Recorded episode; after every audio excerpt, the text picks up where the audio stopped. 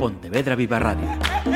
Cara a cara. Damas y caballeros, la Asociación de Directores de Informativos de Radio y Televisión da la bienvenida a Marga Durán.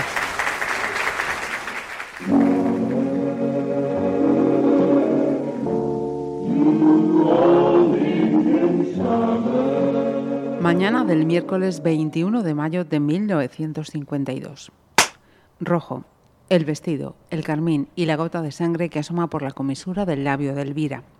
Límpiate, ordena Antonio mientras le tiende un pañuelo, arrepentido por no haber calculado la fuerza de la bofetada que le has estado. Ella lloriquea más fuerte que antes del golpe y él desliza la mano por sus entradas encominadas, ladeando la cabeza. Elvira, es que me pones de los nervios. Se disculpa, crispado. Perdona, es que no sé qué vamos a hacer si no puedo trabajar.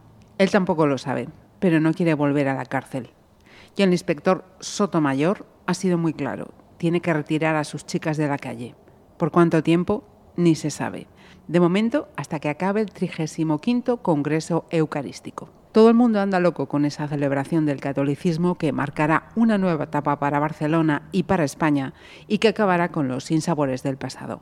Incluso los menos devotos se enorgullecen de que el clero internacional haya escogido su ciudad. La decisión de suprimir las cartillas de racionamiento ha convencido a los más reticentes.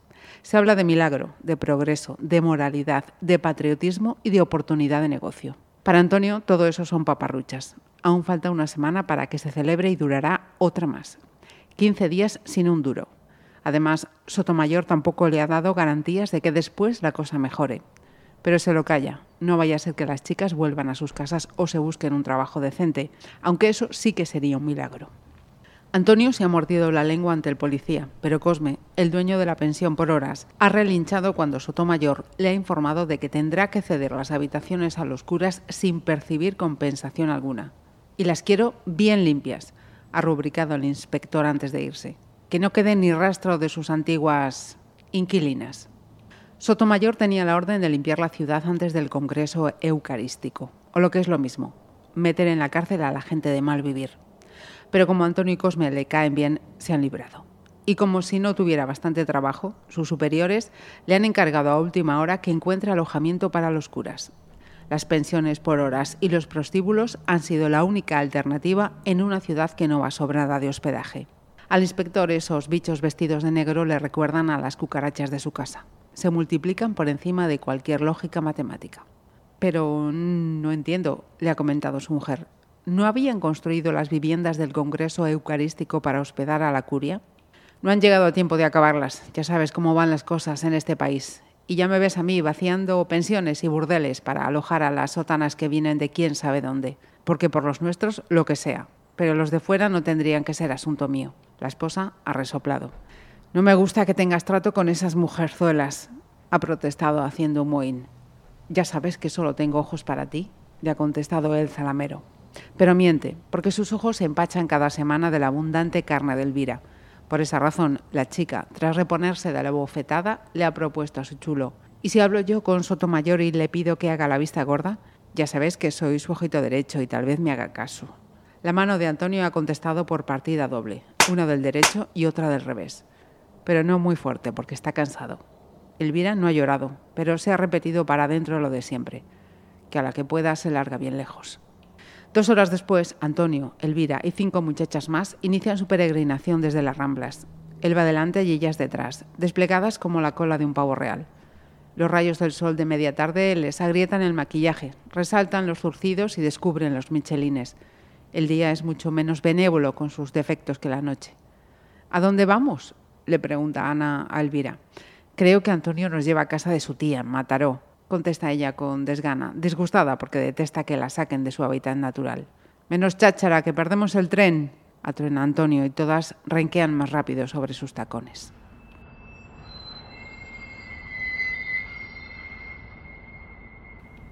Eleonora, Ramona y Berta nunca han llevado tacones ni han pisado Barcelona ni han cogido un tren. Si no fuera por el Congreso Eucarístico, difícilmente hubieran abandonado la fría planicie de su pueblo aragonés.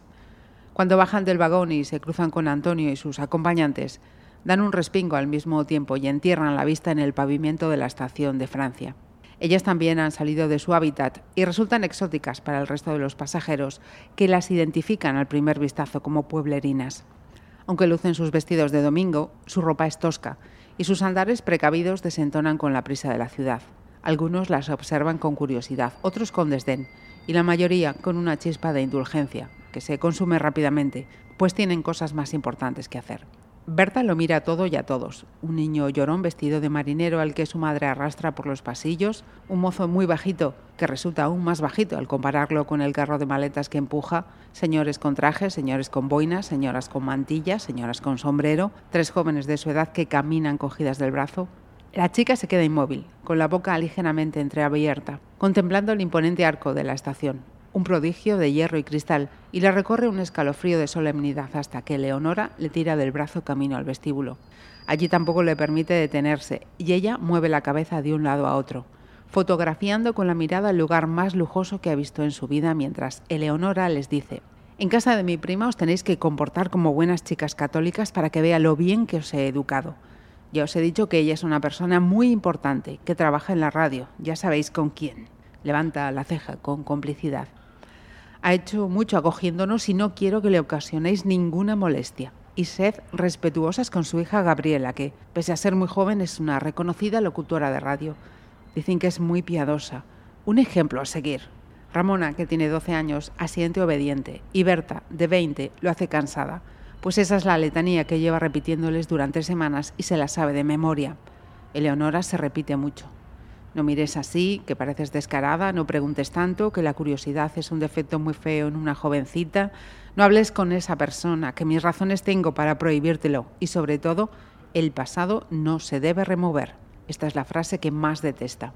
Porque Leonora no es su madre, ella es huérfana, y cada vez que pregunta qué pasó con sus padres, cómo murieron, cómo eran, por qué la adoptaron, se topa con la muralla de esas seis palabras que no significan nada, pero que de tanto repetirlas parecen contener una respuesta. El pasado no se debe remover. Ella quiere removerlo. En su casa, en el pueblo, en todas partes, nunca se habla del pasado. Eso lo ha aprendido desde pequeña, pero cada vez le irrita más ese silencio y le cuesta más callar y no preguntar. ¿Crees que tía Úrsula podrá presentárnosla? pregunta. Eleonora suspira. Ojalá, Berta, pero déjame a mí que lo hable con ella y sobre todo no preguntes, que parecerás una descarada. Eleonora y Berta han acudido al Congreso guiadas por su fervor religioso, sí, pero tras él se esconde un deseo más mundano las dos tienen una intención oculta que nació cuando supieron que Úrsula, la prima de Eleonora, trabaja con la doctora Elena Francis, la protagonista del consultorio femenino con más audiencia de España, y eso es tanto como decir que conoce a la mujer más famosa del país. No hay día en que no escuchen su programa. Comenten las cartas en las que las oyentes plantean sus dudas, elogien las respuestas y las conviertan en el tema de conversación con sus conocidas. Al principio las consultas solo trataban temas de belleza, ya que su admirada doctora dirige un gabinete estético, un centro puntero que promociona desde la emisora. Además de hablar de los tratamientos, también brinda trucos caseros para las que no pueden permitirse acudir a su consulta. Pero después la cosa se puso más interesante. Las preguntas fueron evolucionando y de cómo librarse del vello facial se pasó a cómo reconquistar a un marido infiel y de cómo hacerse un cardado perfecto o la mejor forma de enderezar a una hija díscola. La belleza perdió el pulso ante los deshilachados que las muñecas de trapo de toda España querían remendarse. Eleonora y Berta no lo dicen, pero llevan semanas ensayando mentalmente un encuentro con la famosa mujer en el que le plantearían sus preocupaciones y en el que ella arreglaría milagrosamente sus problemas, porque la fe que le profesan a la doctora Francis ratos supera a la que depositan en el Congreso Eucarístico. A Úrsula no le apetece demasiado recibir a sus familiares del pueblo, pero es mucho mejor eso que tener que acoger a cualquier congresista desconocido, como les ha tocado hacer a la mayoría de sus amigas. Y es que cualquier barcelonés tiene el deber moral de alojar a los congresistas que acuden desde todas partes del mundo. Ha aceptado la obligación como buena cristiana e imposta alegría cuando las abraza en la puerta de su lujoso piso del Paseo de Gracia. Conserva recuerdos nítidos de su niñez con Eleonora, cuando veraneaba en el pueblo de la abuela y eran inseparables. Úrsula entonces era el blanco de las burlas de los críos del pueblo, una repipi de ciudad que no corría por la orilla del río para no ensuciarse los zapatos. Su prima le enseñó a correr descalza, a trepar a los árboles, a ordeñar vacas. La primera vez que el chorro lechoso repiqueteó contra el balde, se rió como si le estuvieran haciendo cosquillas. Eleonora fue su guía en aquellos veranos vivos y salvajes. Hace más de 25 años que no la ve. La correspondencia en fechas señaladas ha sido el único nexo entre ambas. Y también algunas cartas más personales que le envía Leonora para pedirle consejo cuando anda un poco perdida, porque confía ciegamente en el criterio de su prima. Así fue como supo que había adoptado a Berta, pese a que ella le recomendó que no lo hiciera. Esa fue de las pocas ocasiones en las que Leonora no siguió sus recomendaciones. Le cuesta reconocer a su prima, que había sido una niña vivaz y traviesa, en la piel pergamina por el sol de la mujer que tiene enfrente. Fija sus ojos en Berta y no le gusta lo que ve. Una belleza explícita y vulgar que solo puede acarrear problemas, concluye. ¿Y Berta está comprometida? Pregunta a su prima cuando se quedan a solas en la habitación de invitados que ha preparado para Eleonora y su esposo, Sebastián, que llegará el martes. Después de charlar trivialidades, la anfitriona la ha conducido allí y la invitada se ha quedado boquiabierta admirando la lujosa estancia. Nunca había visto un armario tan imponente como el de madera de nogal que cruza la pared y tampoco se acaba de creer que esa noche vaya a dormir en una cama con dosel. De hecho, le da un poco de miedo que se le caiga encima. Todo le parece tan irreal que a ratos se marea como si navegara en alta mar. Sin el frío adherido al cuerpo y sin el olor rancio de su hogar, ha perdido el rumbo y la zozobra si al menos Sebastián estuviera allí. Traga saliva antes de responder y se encoge un poquito. A Eleonora no le gusta hablar porque odia ser el centro de atención y sobre todo porque tiene una voz que la avergüenza. Es aguda y hace gallos, como si estuviera permanentemente afónica. Está convencida de que no es una manía suya, por cómo la miran cuando abre la boca en público, con sorna, incluso con desdén. Por eso lo evita, a no ser que esté con su familia, pero ahora no le queda otro remedio. No, bueno, tiene un pretendiente, pero no sé, no la veo muy convencida. Musita muy bajito intentando definir una situación que desconoce. La reputación es muy importante y en el caso de Berta con su historial familiar, aún más, ya sabes, carraspea Úrsula incómoda porque su prima la mira sin entender. La mujer es menuda, nerviosa y empieza las frases a medias. Le molesta que sus interlocutores no sigan el hilo de sus pensamientos y a modo de protesta frunce los labios hacia afuera como un pato. Eleonora interpreta por el gesto que ha importunado a su prima y se apresura a responder. Sí, por supuesto, prima. Su pretendiente, Roque, es el hijo del propietario del kiosco del pueblo y lleva intenciones formales. Pero no veo que Berta muestre mucho interés. Sospecho que ha pasado algo entre ellos últimamente. Úrsula mueve la cabeza de lado a lado con desaprobación. ¿Y qué espera esa chicas? Muy buen partido para ella. Eleonora se encoge de hombros. Pues no sé, Berta aún es joven y además tiene algo, no sé cómo explicarlo, es muy lista y a veces parece que el pueblo le quede chico. Lo dice con cariño, pensando en la madre de Berta y en todo lo que pasó. Hay algo que la joven comparte con su madre y no es solo la belleza. Es una cualidad etérea que la hace planear sobre los demás sin que ella sea consciente. A Eleonora le provoca el deseo de impulsarla para que vuele más alto, pero sabe que es peligroso, como lo fue para su madre. Úrsula frunce los labios de nuevo. Tú eres una buenaza, Espera, sin asomo de halago. Las mujeres tenemos que obedecer la voluntad del Señor.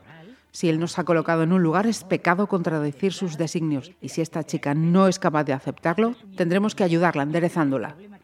No, prima, no me malinterpretes, por favor, responde Leonora azorada. Ella nunca ha visto nada, solo son ideas mías, no me hagas caso. Pero Úrsula ya le ha hecho mucho caso. A veces hay que tomar decisiones, porque aunque nos resulten difíciles, son las correctas, dice, siguiendo de nuevo el hilo de unos pensamientos que no ha verbalizado. Te lo digo porque yo en el patronato de protección a la mujer cada día veo a chicas que han arruinado su vida. ¿Trabajas también ahí? interrumpe la otra, impresionada. Eleonora conoce el patronato de protección a la mujer, una institución muy prestigiosa que dirige la mismísima Carmen Polo de Franco, la esposa de Francisco Franco, y que ayuda a que las mujeres no caigan en la degeneración moral.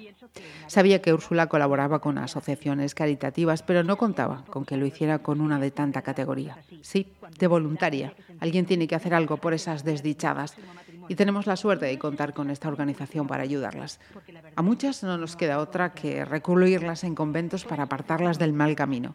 Son manzanas podridas y si no arrancamos esa pobredumbre, infectarán al resto. Eleonora asiente. ¿Cuánta razón tienes? Hablas tan bien como la doctora Elena Francis. Elogia, maldiciendo el gallo que le ha salido al concluir la frase. Úrsula sonríe. Esa mujer está haciendo mucho por todas. Es nuestra guía moral, asevera con orgullo. Es cierto, nunca nos perdemos su programa. ¿Crees. ¿Crees que sería posible conocerla en persona? La mirada de Úrsula fulmina a Leonora. Por favor, prima, exclama contrariada. Es una mujer ocupadísima. Dirige su propio instituto de belleza, contesta diariamente siete cartas en su consultorio de radio y, además, responde personalmente a todas esas almas perdidas que le escriben porque necesitan que alguien les indique el camino correcto.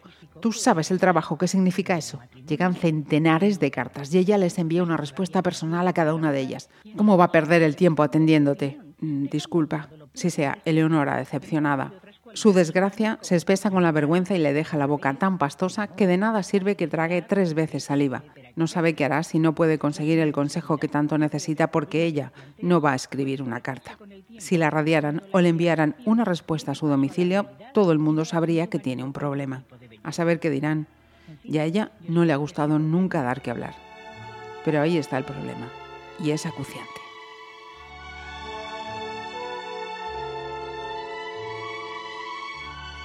Marga Durá ha añadido otro título a su trayectoria como escritora y es Una pregunta para Elena. Una Elena que sin duda conocen las mujeres y hombres de la España de la posguerra.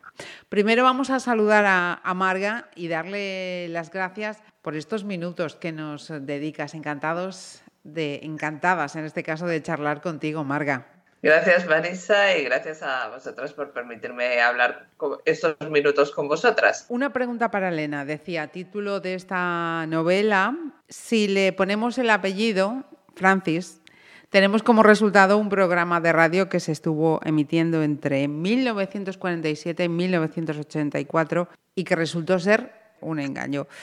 Esto todavía estoy segura que no todo el mundo y, digo mundo, digo hombres y mujeres de aquella generación, siguen desconociendo esta verdad.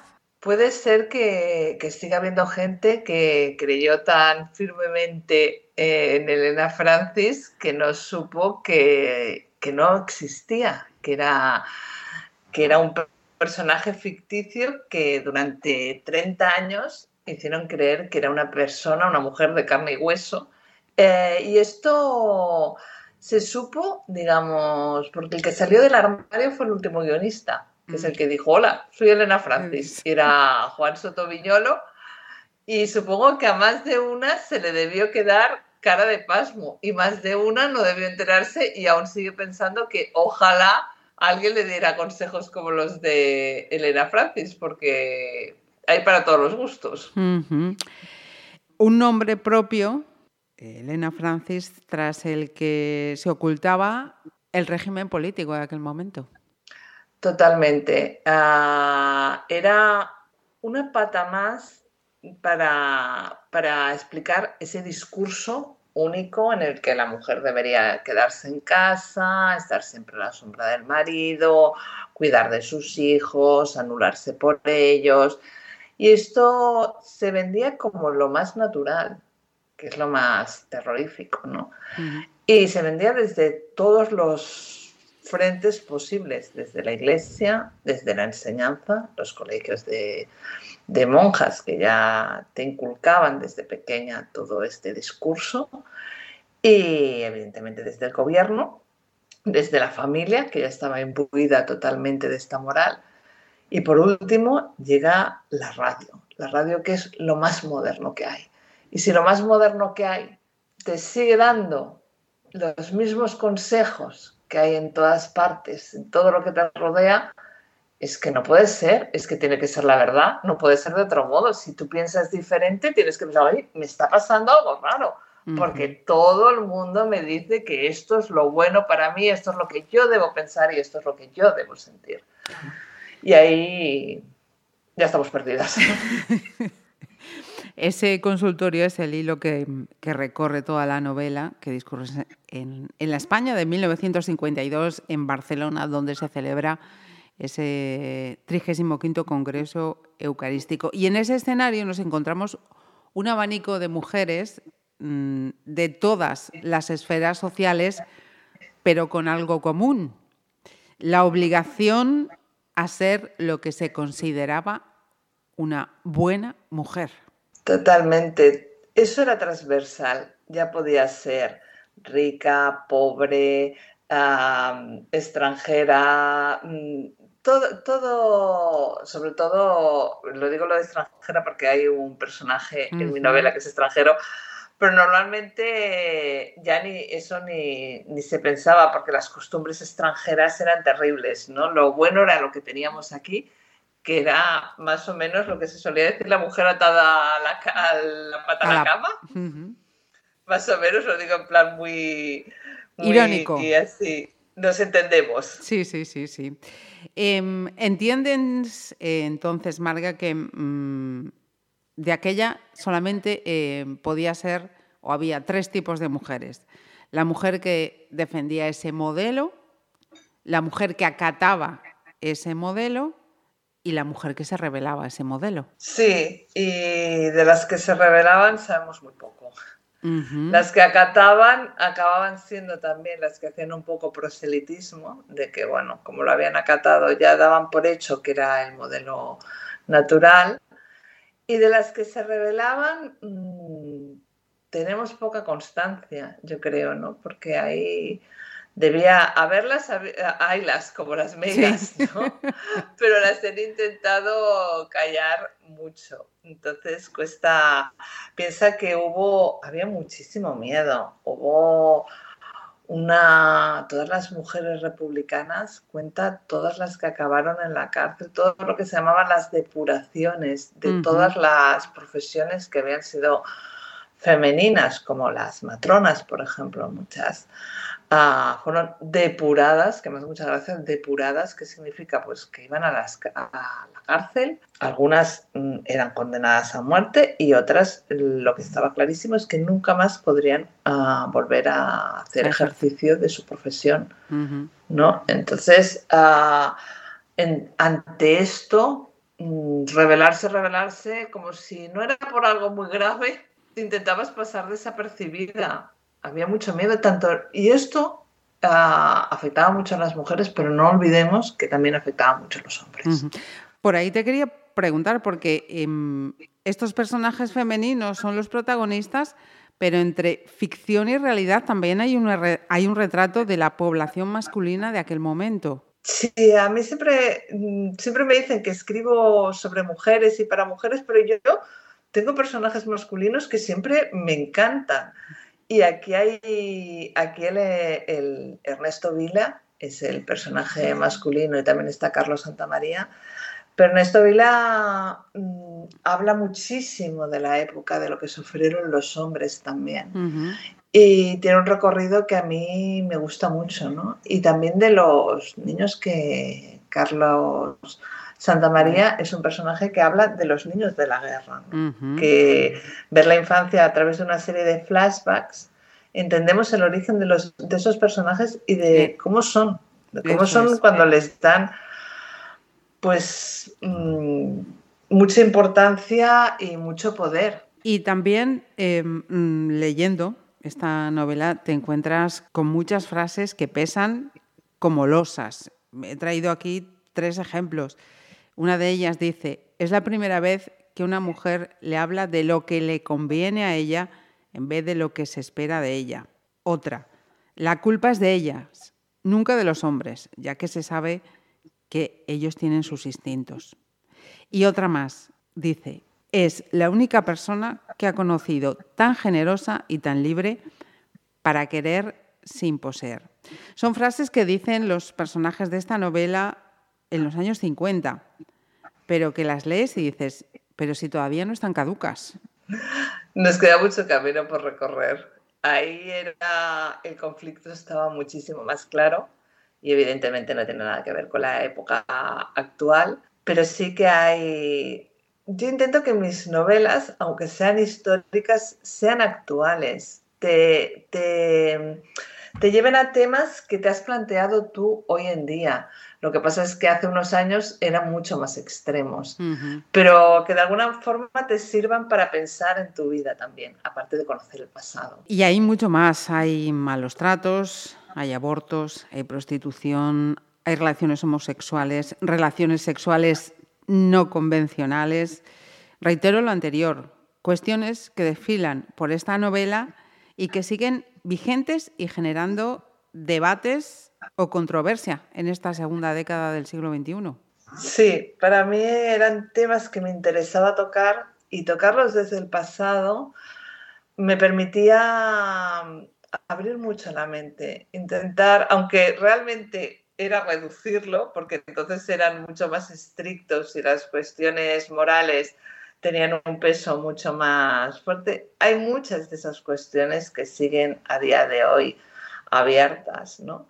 A mí, por ejemplo, el tema del aborto uh, estaba presente desde el principio en la novela, pero a mí personalmente me, me traumatizó, por decirlo alguna, de alguna manera, que, que se derogara en, en, Estados Unidos. ¿no? Entonces, uh -huh. cuando pasó todo aquello del, del Congreso, toda la historia, todo eso, pensé, Dios mío, uh, no estamos tan lejos de perder muchos derechos que se han conquistado con mucho tiempo y mucha lucha. ¿no? Uh -huh. Estés o no estés a favor, simplemente que haya la posibilidad de que las mujeres decidan sobre su cuerpo.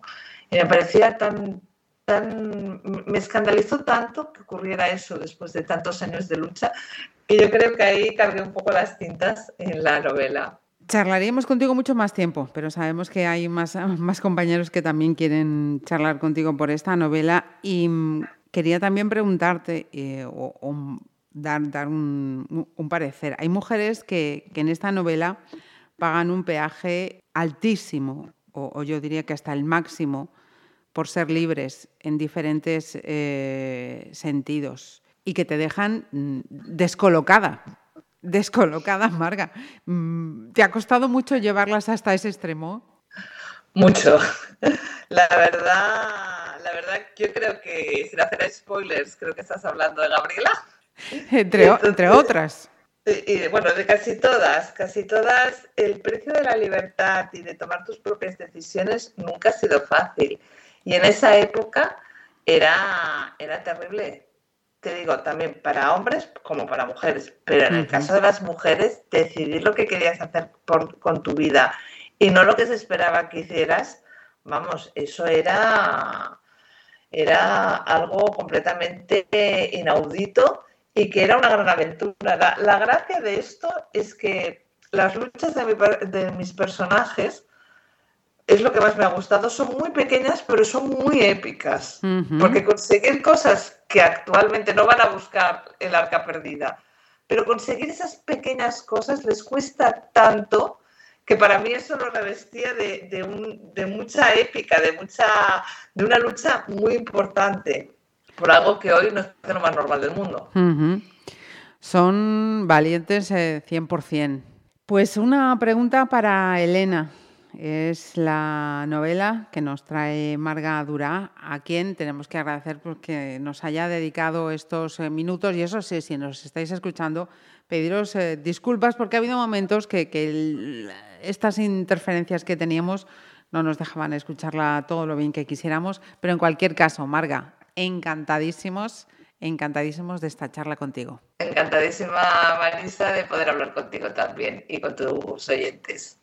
Pontevedra Viva Radio. ¿Me permiten que les haga un comentario como espectadores del programa Cara a Cara? Según un reciente sondeo de mercado, ustedes disponen de estudios e inteligencias superiores a la media. Sus intereses abarcan desde la actualidad mundial y la ciencia hasta el deporte y los espectáculos.